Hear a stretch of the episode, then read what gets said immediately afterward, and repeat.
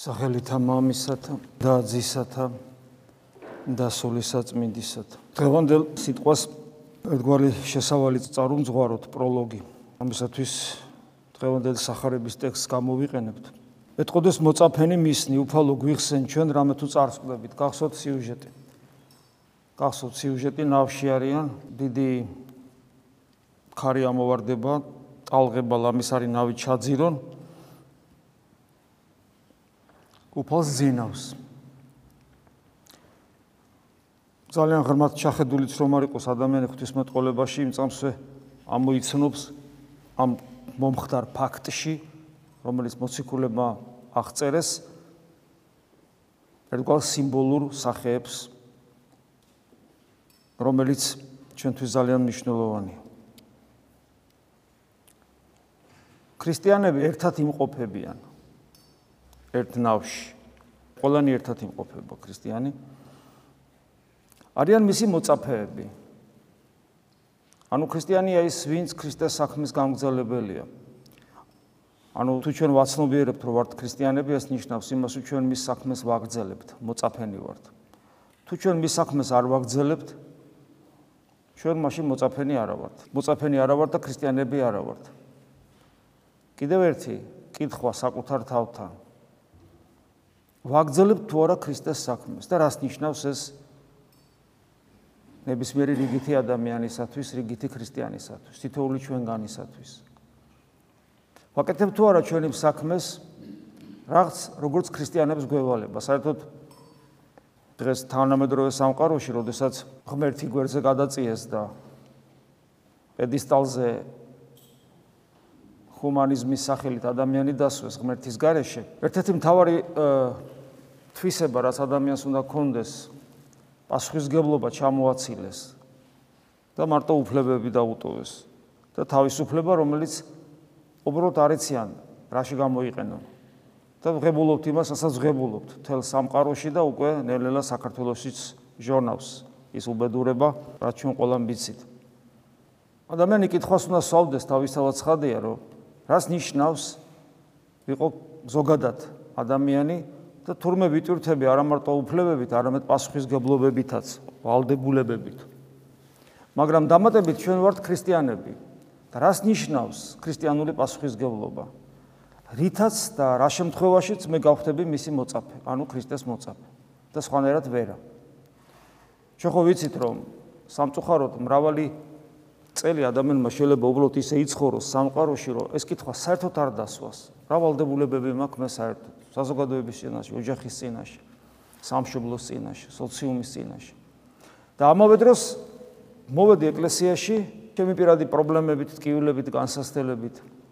ნუ ესე ხდება ძირითადად.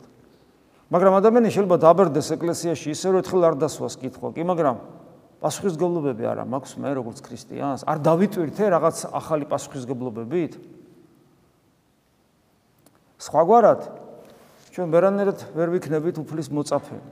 ამიტომ ეს სიტყვები ძალიან მნიშვნელოვანია, რომ ნავში ზიან მოწაფენი უფლის. და სწორედ უფლის მოწაფეებზია ეს სიუჟეტი, რომელიც ვითარდება და ვითარდება ასე. შეშინდებიან. მიუხედავად იმისა, რომ უფალი მათთან არის.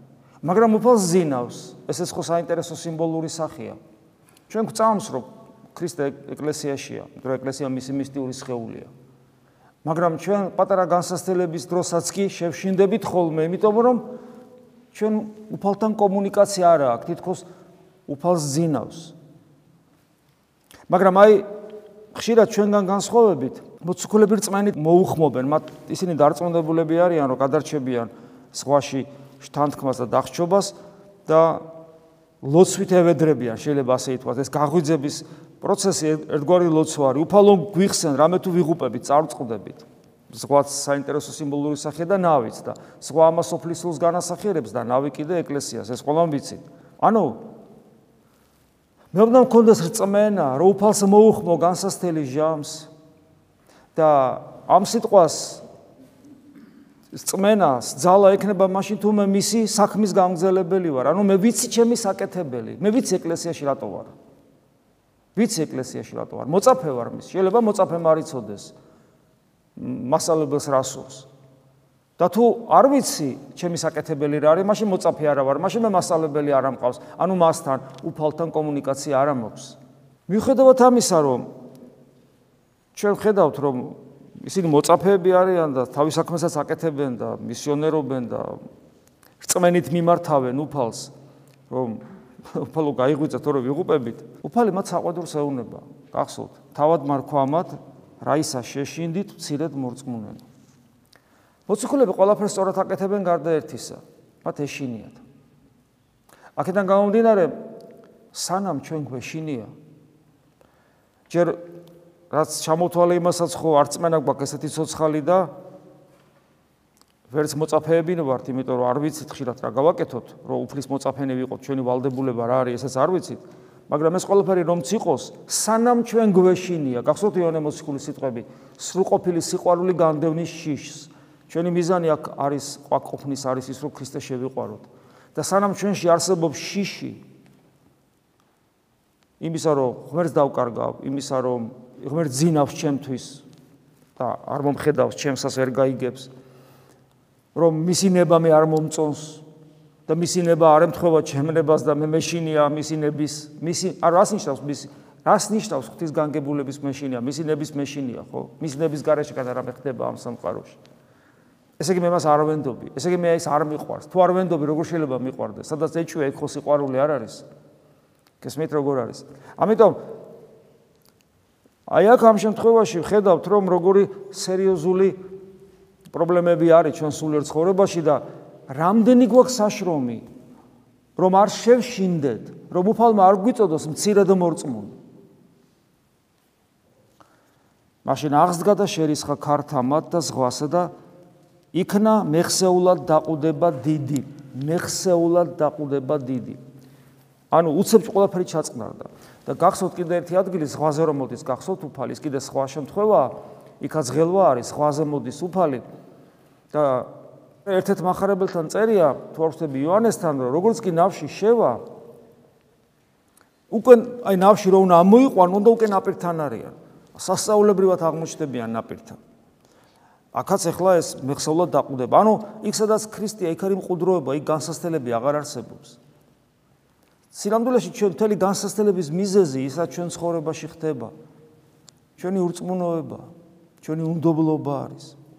და აი ეს განსასწელები ხდება ის მიზეზი, რითაც ჩვენ ვცდილობთ აქტიური კომუნიკაცია გქონდეს ღმერთთან, რომ არ ყოფილიყო ეს ქარიშხალი და ეს უბედურება, რო არ ყოფილიყო. მოციქულები თხოვნით არ მიმართავდნენ უფალს, გვიხსენ. და თუ არ მიმართავდნენ უფალს გვიხსენ, უფალი არ დააწყნარებდა ამ ქარიშხალს. და თუ უფალი არ დააწყნარებდა ამ ქარიშხალს, ისინი არ გაკეთებდნენ დასკვნას და გახსოვთ დასკვნას ახარებაში, ვინ არის ეს? რომ ყველა მთელი სამყარო მას სტიქები ემორჩილებიან. ვინ ანუ რწმენაში გამტკიცდნენ? მისი ძალმოსილება დაინახეს. ანუ მათ რო უფლისადმი, უფლის ძალმოსილების განცდა რო ქონოდათ, და ეს წმენა ქონოდათ ბერჯელ გამოვლენია უფალს მანამდეც ეს. ამაში რომ ყარად ყოფილიყვნენ და ბოლომდე შესაბამისად ბოლომდე მინდობილნი, არც ეს განსასწრელი იქნებოდა, არც ეს ქარიშხალი იქნებოდა, არაფერი აღარ იქნებოდა. შუალურად ყუდროთ იქნებოდნენ, მაგრამ მათ ეს ჭირდებოდათ. რომ კიდევ ერთხელ დარწმუნებულიყვნენ, რომ იესო ღმერთია, იესო ღმერთია, აი ამაში ჭირდებოდათ. ესეა ჩვენ შემთხვევაშიც. ჩვენი განსასწრების ერთ-ერთი მიზეზი სწორედ ეს არის, ჩვენ ვერაფრით ვერ ვიჯერებთ, რომ იესო ღმერთია. განსასწრელი და პრობლემები არის საყოველთაო. ეხლა აქ მოციქულებს, მოწაფეებს ნავში ზიან და საერთო განსასწრელი აქვს.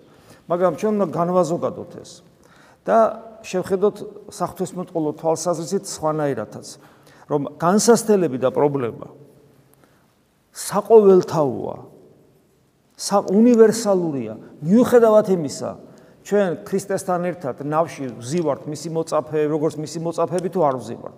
ანუ ვიღაცამ არ ეფიქროსო თუ ესე ქრისტიანი არა ვარ, განსასწრებიც არ მაქვს. ჩვენ ხო ვიცით რომ ეს ესე არ არის სინამდვილეში ყოველასაა განსასწრელი. ოღონ ქრისტიანის შემთხვევაში, ქრისტიანის შემთხვევაში მარტო განსასწრელი არ არის და ბრმა რაღაც უბედურება, რომელიც ადამიანს ასე გაჭყლებს როგორც ცხოველს. არამედ ქრისტიანის შემთხვევაში განსასწრელი ადამიანი და ღმერთის იქვია. ანუ ეს ტრიადა ერთგვარი. მორწმუნე ადამიანი ხედავს განსასწრელში ღმერთს და თუ ვერ ხედავს, მერე დაინახავს. ანუ სხვანაირად არის მორწმუნე ადამიანის შემთხვევაში. ხოლო ურწმუნოსათვის განსასწრელი იმდენად ბრმასტიქია, რომ თავის უღმერთობაში კიდევ უფრო წმუნდება. აბარე სად არის ღმერთი, რომ ამდენი უბედურება ხდება? გაგიგიათ თქვენ ეს სიტყვები. მაგრამ მორწმუნე ადამიანი სხვანაირად ხედავს. მორწმუნე ადამიანი განსასწრელში ყველაზე მეტად ხედავს ღმერთს როგორც აქ მოციქულება დაინახეს. ამიტომ ჩვენ როდესაც გვაქვს განსასწრელი და რაღაცა ეჭვი შეგვიღიტინებს, რომ აბა ღმერთი სად არის, რადგან ეგეთი უბედურება ხდება, ჩვენ ეს ეგის შორს ვართ წმენისგან. იმიტომ რომ მორწმუნე სხვანაირად ემართება. სხვანაირად რაც არ უნდა განსასწრელი იყოს. ნებისმიერი სისასტიკის და უსამართლო სახის. არასოდეს მორწმუნე არ არის ისე რომ თქვა აბა აბა სად არის ღმერთი ეს რო ხდება პირიქით პირიქით ის ძლიერდება რწმენაში როგორც მოციქულები გაძლიერდა. და მაგრამ რატომ არის უნივერსალური განსასწრებელი პრობლემები? რატომ არის საყოველთაო? აი დღეს პავლე მოციქულთან რომელთა მიმართ ეპისტოლეში აღმოვიკითხეთ. ვინაიდან როგორც ერთი კაცის ამიერ შემოვიდა ცოდვა ამ ქვეყნად ცოდვის ამიერ კი სიკვდილი. ანუ ერთი ძირიდან აღმოცენებულები ვართ. ერთი ბუნება გვაქვს. ჩვენი ძირი არის ადამი ყველანი ადამიანის შვილები ვართ. ჩვენ ვართ დიდი ხე, რომელიც ერთი მარცვლისაგან ამოვიდა მიწიდან და ჩვენ ვართ ამ ხის რტოები, ტოტები და ყველას ერთი გენეტიკური კოდი გვაქვს. ყველა ერთი ერთი ხე ვართ, ერთი ხე ვართ ყველა. ოღონ უნიკალური პიროვნებები. ამიტომ რადგან ის თესლი ძირში, ანუ ის მარცვალი, ფესვი დაზიანდა, დაზიანდა. დაზიანებულმა აღმოაჩენა დაზიანებული ხე. ამიტომ ყოველი ახალი რტო, რომელიც ამ ხეზე ამოდის, არის იმ პირველი ფესვის, დაზიანებული ფესვის გენეტიკური კოდის მატარებელი. ყველა დაზიანებულები ვართ. და ვიცით ეს დაზიანება როგორ ვლინდება სხვადასხვა ვნებებში, მათ შორის სიამეთ მოყარეობა, მომხოჭელობასა და პატიმოყარეობაში, ანუ სიამაყეში. და ცოდვას მოაქვს სიკვდილი. სიკვდილი მარტო ბიოლოგიური სიკვდილი არ არის. სიკვდილი არის ჩვენი სულის მიერ შინაგანად ვერ დანახვა ღმერთისა და სიკვდილი არის ის, რასაც ჩვენ მუდამ ვატარებთ საკუთარ თავში, ჩვენი უძლურებების, ავანტყოფობების სახით, სულმოკლეობის სახით და ყველაფრის სახით, რასაც როგორც ვატარებთ. მოკლედ ადამიანი მუდამ ატარებს სიკვდილს და ბიოლოგიური საათით ჩართულია გარდაცვალებისკენ და სულიერათაც კიდევ უარეს დღეში ვართ, ღმერთს ვერ ხედავთ. ამიტომ ეს არის ჩვენი მდგომარეობა დაბადებიდანვე. არანაირი ადამიანური პირადი უმანკოება, წესიერება, პატიოსნება, ზნეობრიობა, თქვათ, ღირებულებები, ღირსება, არაფერი არ შველის. რატო? ეს არის ჩვენი ბუნება. ბუნებაა რა, აი ეს არის რა. სხვა ბუნება ჩვენ არ აქვს. ეს ძალიან მნიშვნელოვანია რომ გვახსოვდეს, ეს ჩვენ ვიცით, მაგრამ კიდევ ერთხელ და ამიტომ ეს ნიშნავს იმას, რომ რაც არ უნდა კარგი იყო, რაც არ უნდა საყვარელი იყო, რაც არ უნდა დიდებული იყო, აუცილებლად დაავადყოფდები, დაბერდები და მოკვდები. აუცილებლად გექნება განსასწრებელი, აუცილებლად გექნება უამრავი პრობლემა და პრობლემა გექნება მათ შორის სულიერიც, სარწმუნოებრივ საკითხებში, ღმერთთან ურთიერთობებში და ასე შემდეგ. დაიტანჯები ეგოიზმით, ანგარებით, შურით და ათასგვარი პრობლემებით სულიერი თუ ხორციელით. ეს აუცილებლად იქნება ჩვენ ცხოვრებაში. ამის გარეშე უბრალოდ არ არსებობს. ეს არის საყოველთაობა ამ ყველაფერ. აი ამ ადამიანური ბუნების დაზიანებიდან გამომდინარე. ეხლა შევეხოთ რა არის გადარჩენის გზა. გადარჩენის უნივერსალური საშუალება, გასაღები ასევე პავლე მოციქულთან, ისევ რომელთა მიმართ ეპისტოლე. პავლე მოციქული ამბობს: მადლი აღემატება ცოდვას. ანუ ყოველი ცოდვით დაზიანებულები ვართ, რაც მოგვეცა. ცოდვა როგორც ღმერთს დაცილებულობა. ანუ ბავშვი ცოდვილია, ბავშვი ბავშვი იბადება ცოდვილი. ცოდვილი იბადება, მიდრეკილი, ხორციელი და სულიერი ავანტყოფობებისაკენ. მიდრეკილი. რას თავარია? ატარებს სიკვდილს. ბავშვი რო იბადება სიკვდილს ატარებს. ხორციელსაც და სულიერსაც საკუთარ თავში. სულიერს გარანტირებულად ატარებს იმიტომ რომ ადამიანი ვერ ხედავს ღმერთს და ადამიანი ქრისტიანად არ იბადება. პოტენციაში რა თქმა უნდა ის ქრისტეს ქრისტეს მიერ შექმნილი როგორც ღმერთის შვილია მაგრამ ადამიანი მე ხდება ქრისტიანი თავისი არჩევანით. ამიტომ თავიდან ის ღმერთს ვერ ხედავს. ჩვენ ყველანი ვიბადებით აი ამ ცოდვით, რომელიც ნიშნავს, რომ ჩვენ უნდა ჩვენ სიკვდილს ვატარებთ, მაგრამ მადლი ჩვენ ვერა, ჩვენ ვერა. ჩვენი თავისუფლებით, ჩვენი შესაძლებლობით ვერა, ვერა, მაგრამ მადლი აღემატება ცოდვას. აი პავლე მოციქული როგორ ამბობს, მაგრამ მადლი ისე როდია, როგორც ცოდვა. ვინაიდან თუ ერთის შეცოდებით, ანუ ადამის შეცოდებით, მრავალი მოკვდა, ანუ ყველა მოკვდით უფრო სწორედ. ერთმა შეცოდა, ყველანი კვდებით. და ესე იგი ცოდვას დიდი ძალა აქვს. მით უმეტეს მით უმეტეს მადლისა და სიმართლის ნიჭის უხვად მიმღებნი იმეფებენ სიცოცხლეში ერთის ასევე იესო ქრისტეს მიერ. აი აქ ჩანს რომ სიკვდილმა ერთი კაცის ცოდვამ სიკვდილი გააბატონა, მაგრამ ერთი კაცის, კაცის დიდი დიდი დიდი ამ სიტყვის დიდი გაგებით, ერთი კაცის იესოს მადლმა და სიცოცხლე, მე ვარ სიცოცხლე, როცა ამბობს უფალი, თელი სამყაროს გადარჩენის შესაძლებლობა, თელ სამყაროს გადარჩენის შესაძლებლობა მოგცა. ანუ ჩვენ ყველანი უნივერსალურობიდან გამომდინარე, ცოდვის უნივერსალობიდან გამომდინარე, ყველანი განსასწრებში ვართ, ყველანი ვიტანჯებით, მაგრამ ისინი, ვინც ქრისტესთან ერთად ვზივართ ნავში, გვაქვს გადარჩენის შესაძლებლობა. თუ ვიქნებით მისი მოწაფენი და მას მოუხმობთ.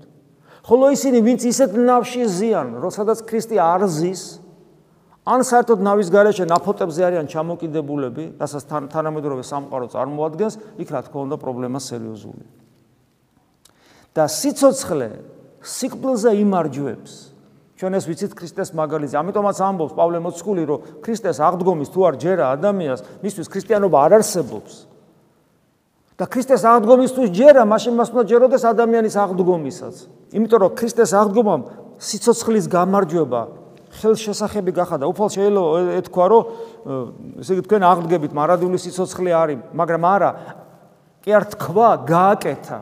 თვით მხილველები რომ იყვნენ მოციქულები, იმიტომ იქადაგეს, თორე მოციქულები ესეთი შეშინებულები იყვნენ, რომ ქრისტე მოკლეს, ჩაკეტილები, ჩარაზულები, ლუკა და კლეოპას ალბათ გარბოდა სხვაგან. ემაუსისკენ გარბოდნენ. გესმით? იქაურობას მოცილდნენ. რომელ მისიონერობაზე ან რა უნდა ემისია, რა უნდა ეთქვათ? აი რა უნდა ეთქვათ, რომ რა ჩვენ ყავდა მოძღვარი, რომელიც მოკვდა. რა უნდა ეთქვათ? ვერაფერს რომელმაც თქვა რომ რა ვიცი, რა თქვა, რა თქვა, რა ქრისტე რომ მომყარიყო, დამთავრდა ყველაფერი. რა უნდა ეთქვათ? ვერც ვერაფერს ვერ იტყოდნენ, ვერც ვერაფერს ვერ ამბობდნენ, შეშინებულები იყვნენ და რომ აღზდგა მკვდრეთით, ამან ამან მოახდინა, ისაც მოახდინა. ამიტომ სიცოცხლემ რო გამოიმარჯვა სიკვდილზე ჩვენთვის ხელშესახები რეალობაა. ხელშესახები. და პავლე მოციქული ესე ამბობს, რადგან თუ ერთი შეცოდებით სიკვდილის უფევდა ერთის მიერ, სიკვდილის უფევდა ერთის მიერ, მით უმეტეს, მით უმეტეს მადლისა და სიმართლის ნიჭის უხვად მიმღები იმეფებენ სიცოცხლეში ერთის იესოს მიერ. ანუ თითქოს იმეორებს პავლე მოციქული ერთ და იგივეს. ბევრჯერ ლაპარაკობს. და უფრო მეტად და მეტად რო კარგად შემოვიდეს ჩვენში ეს ცოდნა და დავიმახსოვროთ კარგად. რომ მადლი ცოდვას აღემატება და სიცოცხლე კიდე სიკვდილზე ძლიერია.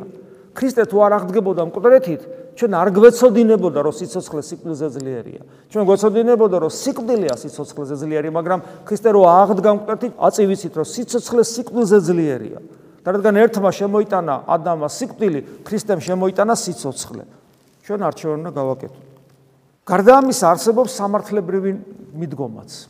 ეს არის ონტოლოგიური არსობრივი მიდგომა. ადამიანში მარცხდება სიკვდილი, რომელიც ცოდვამ შემოიტანა, მარცხდება სიკვდილი და ცოდვა იმიტომ, რომ სიცოცხლე შემოიტანა უცოდველმა ქრისტემ. მაგრამ არსებობს ეს არსობრივი, აი კურნების პროცესია, მაგრამ არსებობს იურიდიული პროცესიც, მდგომარეობაც, როცა დამნაშავე ვარ. ადამიანის საქციელში დამნაშავე არა ვარ, იქ ადამია დამნაშავე, მაგრამ ადამიანის მსგავსად ყველანი ვაშავებთ. აგე პირველი შვილი კაენი იყო. ანუ ყველანი დამნაშავეები ვართ. ჩვენ სულ მუდამ ვაშავებთ ზნეობრივი კანონის წინაშე. უგულებელს ყოფთ ზნეობრივ კანონს. მაგრამ ჩვენ ყავს ჩვენ ყავს მარადიული მღვდელთავარი, ანუ სამართლებრივი ტერმინით ადვოკატი. ქრისტე. რომელიც მუდმივად ჯობნის პროკურორს, პროკურორი ვინ არის ხო იცი? პროკურორი ეშმაკია. რომელიც მუდამ რაც დაგვიშავებია და რაც არ დაგვიშავებია, ერთ-ერთი ეშმაკის ერთ-ერთი სახელი ცილის წავენბელია. რაც არ დაგვიშავებია, იმასაც გვაბრალებს. თუმცა ჩვენ მაინდა-მაინც არ საჭიროებთ ვინა გითხრათ. ესეთ მე დაბრალებას ისედაც საკმარისი გვაქვს, მაგრამ ნუ ესია. და პავლე მოციქული ესე ამბობს, როგორც ერთი შეცოდებისაგან ყველა კაცის თავზე მოიწია სასჯელი, ყველას თავზე მოიწია სასჯელი, ასევე ერთის სიმართლისაგან ყველა კაცი გამართლდება სიცოცხლისათვის. აი ეს ერთი, ვინც გვამართლებს, აი ეს არის ჩვენი ადვოკატი, ანუ ღმერთთავარი, რომელსაც ვერ ჯობნის ის, ვინც ვინც არის პროკურორი, ანუ ეშმა. მაგრამ აქ ერთი ნიუანსია კიდე. ეს არ ხდება მექანიკურად. მექანიკურად. რადგან ესე იგი ქრისტე მოვიდა და ეს ჩემთვის მოსამართლეს აღებინებს გამამართლებელ განაჩენს და თავად არის მოსამართლეს გახსოვთ როგორ ამბობს წმინდა წერილი რომ თელი სასჯელი მისცა მას და ჯვრიდან ჯვრიდან უფალი მეოხია და მამას ევედრება ამ შემთხვევაში როგორც მგდელთავარი როგორც ადვოკატი მიუტევე მამაო რამე თუ არის არა საკეთებენ მაგრამ წმინდა წერილი მასწავლის როცა უფალი აღდგა ამაღლდა ზეცა და დაждდა მარჯვენით ღვთისა და მამისა თელი ძალაუფლება განაჩენის გამოტანისა პავლე მოციქული ამას მიცვალებულთა წესს აგებიროს ამას ამბობთ კიდევაც რომ ესე იგი რადგან ზეკაცისა არის რადგან მან ჩემი ტკივილები საკუთარი გამოსtildeებით იცის ამიტომ თელი ძალაუფლება ჩემი გამართლებისა და არ გამართლებისა მამამ ძეს გადააბარა. მაგრამ და თამავე დროს ღმერთის სიყვარულია და მე მას ძალიან უყვარვარ და ეს მომცა მაგალითად მიჩვენა როგორ ებედრება თავისი მკვლელებისათვის ზეციურ მამას. ჯვარზე მყოფი უფალი მაგრამ მაგრამ ეს არ ნიშნავს რომ მე მექანიკურად გადავრჩები მაინც არ ნიშნავს ამას. აი როგორ წერია როგორ ამბობს პავლე მოციქული. ვინაიდან როგორც ერთი კაცის ურჩობით მრავალი გახდა ცოდვილი ისე ერთი კაცის მორჩილებით მრავალი გახდებიან მართალი და ხაზგასმულია ურჩობა და მორჩილება. ჩვენ ვის უნდა მივბაძოთ? მობაძავ ჩემ დაიქმნეთ ვითარცა მე ქრისტესა, ჩემგან ისწავლეთ უფალი გეუბნება შვიდვარ და მდაბალგულითა სიმდაბლის ერთ-ერთი გამოვლინება მორჩილება. ანუ ჩემგან მოითხოვება სიმდაბლე და მისი ერთ-ერთი გამოვლინება მორჩილება. იმისათვის რომ ეს გამამართლებელი განაჩენი ჩემზეთ ახსრულდეს. ასე რომ თუ ეს ყველაფერი არ მოხდა, მაშინ მე ან ნავში არ ვიმყოფები და ან თუ ვიმყოფები, არა მაქვს წმენა, ან არა არა ვარ ქრისტეს მოწაფე და არ შევღაღადებ. ნომინალურად ვიმყოფები. ესე იგი ჩვენ აქ რო ვართ ნავში. ჩვენ და აი ეს ყველაფერი ჩვენ გავიაზროთ და ჩვენ ცხოვრებაში გავხარდოთ აქტუალური. ამ ყველაფერს აქტუალიზება უნდა მოხდეს. სხვაგვარად, სხვაგვარად. ჩვენი ხმა იქნება უძლური, ჩვენი ლოცვა იქნება უძლური, რომ ქრისტემ ჩვენთვის გაიღვიძოს. და ჩვენი ნავში ყოფნა იქნება ამაო. უშედეგო. დასკვნის სახით ერთგვარი ეპილოგი რო გაუკეთოთ აი ამ ჩვენ დღევანდელ საუბარს, რამდენიმე საკითხ შევეხები. ჩვენ თქვით, რომ ერთი ძირიდან აღმოცენებულები ვართ. და თქვით, რომ ეს ნიშნავს იმას, რომ კაცობრიობა ერთი ორგანიზმია. სამყაროს ისტორიას თუ გადახედავთ, დაინახავთ, რომ ეს ერთიანობის ბუნებითი ერთიანობა, ბუნებითი ერთიანობა ხშირ შემთხვევაში იყო ხოლმე თამაგონებელი იმ სოციალური პოლიტიკური მოძრაობისა სამყაროში, რაც იმპერიების სწორედ ამის საფუძველზე იქმნებოდა. და სხვადასხვა სოციალური სისტემები. ძველად უფრო ძალადობაზე იყო, არა, ძალადობაზე იყო ყოველთვის დაფუძნებული, მაგრამ თანამედროვე იმპერიები უფრო ესეთი ჰუმანური იდეებით რაღაცა ნებისმიერ შემთხვევაში, ნებისმიერ შემთხვევაში ეს იყო ძალადობაზე დაფუძნებული. რატომ იყო ძალადობაზე დაფუძნებული? იმიტომ რომ ადამიანები თავისი ნებით არ ერთიანდებიან, მიუხედავად იმისა, რომ ადამიანური ბუნების არსია, ონტოლოგია ადამიანური ბუნებისა, რომ ერთიანი ვიყოთ, მიუხედავად ამისა, ცოდვით დაცემის გამო ჩვენი გაერთიანება არის უტოპია. მაგრამ არის კიდევ ერთი რამ, არსებობს სოფლიო გაერთიანება, მაგრამ არსებობს ლოკალური გაერთიანებები. და ჩვენ ვიცით ადრეს გითხარით, რომ უცნაური რაღაცა მოხდა სამყაროში, რომ ზოგიერთმა ქვეყანამ და ზოგიერთმა ერმა ქრისტიანობა მიიღო როგორც ერმა. ჩვენ ვიცით, რომ მოციქულები სხვადასხვა ქვეყანაში ქადაგებდნენ და ზოგან მიიღეს, ზოგან არ მიიღეს. თლიანად ერმა, ერის მიერ და სახელმწიფოს მიერ ქრისტიანობის მიღება არის ქრისტიანული თვალსაზრისით უბრალოდ გაუგებრობა და უცნაური რამ. წესით ესეთი რამე შეუძლებელია. როგორ შეიძლება რომ ერმა მიიღოს თლიანად ერმა, იმიტომ რომ ქრისტიანობა არის ინდივიდუალური საქმე თითოეული ადამიანის, მაგრამ აი ფაქტია რომ ქართველებმა მივიღეთ და სხვებმაც, ხო ვინც არიან ქრისტიანიერები. ეს ნიშნავს იმას, რომ ასეთ ერებს, ასეთ ერებს აქვთ პოტენციური შესაძლებლობა თუ სწორად განავითარებენ თავიანთ წმენას, რომ სწორი პოზიციის შემთხვევაში გადარჩნენ როგორც ქრისტიანი ერი. იმ სიკეთებით რაც ქრისტიანი ერს აქვს. ანუ რა რა სიკეთეა ესა? ვიღაცა მე ხარ აფიქროს რომ ფუფუნებით ცხოვრებაა სიკეთე. არა. ქრისტიანი ერის სიკეთე არის ის, რომ ქრისტიანულ ერში დაბადებულ ბავშვს აქვს პოტენციური შესაძლებლობა ქრისტეს შემეცნებისა. ძალიან ძლიერი შესაძლებლობა აქვს. ეს არის ძალიან მნიშვნელოვანი. ანუ ოჯახს რო ბავშვი გაუჩნდება, ის ისეთ გარემოში შეიძლება გაიზარდოს, რომელ გარემოშიც მას ექნება ქრისტეს შემეცნების შესაძლებლობა და სულის გადარჩენის შესაძლებლობა. როცა ეს ამასופლის ღელვა ვერ ჩთანთქავს. ანუ ფაქტობრივად გამოდის, რომ ეს ერი, ესეთი ერი, აი ეს ნავია ზუსტად რომელშიც ქრისტე ზის. მთელი ერია ნავი. და საქართველოს მაგალითზე ზუსტად ეს არის. საქართველოს საზღვრები ემთხვევა ეკლესიის იურიდიულ საქართველოს მართლმადიდებელი ეკლესიის იურიდიულ საზღვრებს. ემთხვევა, ემთხვევა. ქართველი წმინდანები და ქართველი მამულიშვილები ერთმანეთს ემთხვევიან პიროვნულად. მამულიშვილები და წმინდანები, ეკლესიის წმინდანები და ერის მამულიშვილები თითქმის 100%-იანი დამთხვევაა. ქართველი კაცი სახელმწიფოს რო იცავდა და ოჯახს რო იცავდა, ამით იცავდა ეკლესიასაც და როცა ეკლესიას იცავდა, იცავდა სახელმწიფოსაც და ოჯახსაც. ნახეთ როგორი დამთხოვებია. ეს ესე იყო ისტორიულად ძირითად შემთხვევაში და აი დღესაც, დღესაც თუ ჩვენ გვინდა რომ ჩვენ გადავრჩეთ როგორც ქართული სახელმწიფო და ჩვენ გადავრჩეთ როგორც ქართველი ერი, მაშინ აი ეს უნდა გავითვალისწინოთ რომ პოტენციურად ამის შესაძლებლობა არსებობს, იმიტომ რომ ადამიანს საერთო ბუნება აქვს. შესაბამისად ჩვენ სახელმწიფოში მცხოვრებ ადამიანებს საერთო ბუნება გვაქვს ბუნებრივია რადგან ნებისმიერ ადამიანს საერთო ბუნება აქვს.